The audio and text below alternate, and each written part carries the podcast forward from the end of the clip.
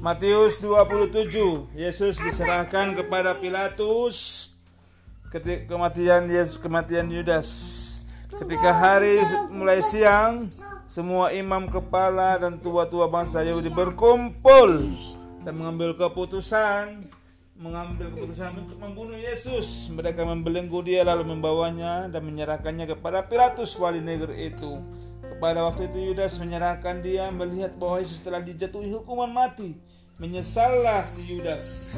Lalu ia mengembalikan uang yang 30 perak kepada imam-imam kepala dan tua-tua dan berkata, Aku telah berdosa karena menyerahkan darah orang yang tak bersalah. Tapi mereka, jawab mereka, apa urusan kami dengan itu? Itu urusanmu sendiri. Maka ia pun melemparkan uang perak itu ke dalam bait suci.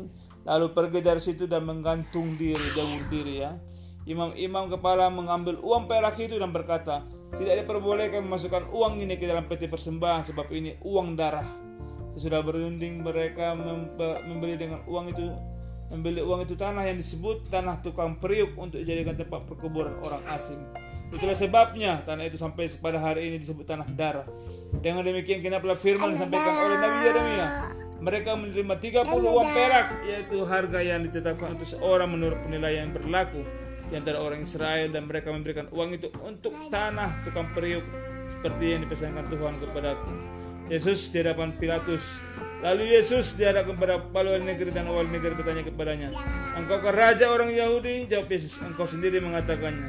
Tetapi atas tuduhan yang ditujukan imam-imam kepala dan tua-tua terhadap dia, ia tidak menjawab apa pun. Maka kata Pilatus kepadanya, Tidakkah engkau dengar betapa banyaknya tuduhan saksi-saksi ini terhadap engkau? Tapi ia tidak menjawab satu kata pun sehingga wali negeri sangat heran. Telah menjadi kebiasaan bagi wali negeri untuk membebaskan satu orang hukuman pada tiap-tiap hari raya atas pilihan orang banyak dan pada waktu ada ada dalam penjara seorang yang terkenal kejahatannya yang bernama Yesus Barabas. Apa namanya? Orang paling yang paling jahat, dia paling jahat di situ. Karena mereka sudah berkumpul di sana, Pilatus berkata kepada mereka, "Siapa yang kamu kehendaki ku bebaskan bagimu?" Yesus Barabas atau Yesus yang disebut Kristus.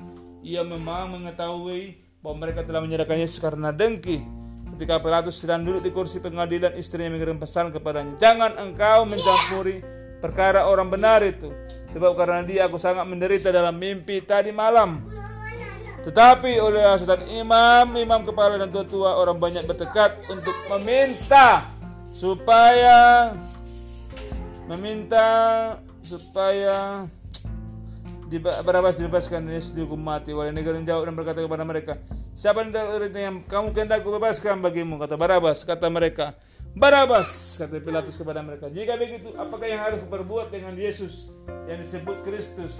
Mereka semua berseru ia harus disalibkan katanya. Tetapi kejahatan apakah yang telah dilakukannya? Namun mereka makin makin keras berteriak ia harus disalibkan salibkan dia dibilang bilang orang-orang banyak ketika Pilatus melihat bahwa segala usaha akan sia-sia malah sudah mulai timbul kekacauan dia mengambil air yang membasuh tangannya di hadapan orang banyak dan berkata aku tidak bersalah terhadap darah orang ini itu urusan kamu sendiri dan seluruh rakyat menjawab biarlah darahnya ditanggung atas kami dan atas anak-anak kami Lalu ia membebaskan Barabas bagi mereka, tetapi Yesus disesanya lalu diserahkan untuk disalibkan.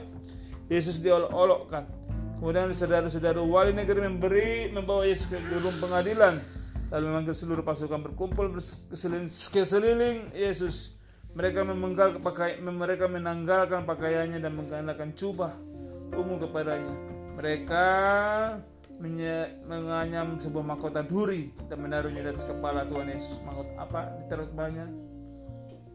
Mahkota duri. Lalu memberikannya, memberikan dia sebatang buluh di, di tangan kanannya. Kemudian mereka berlutut di hadapannya dan mengolok-olok Yesus katanya. Salam ya raja orang Yahudi.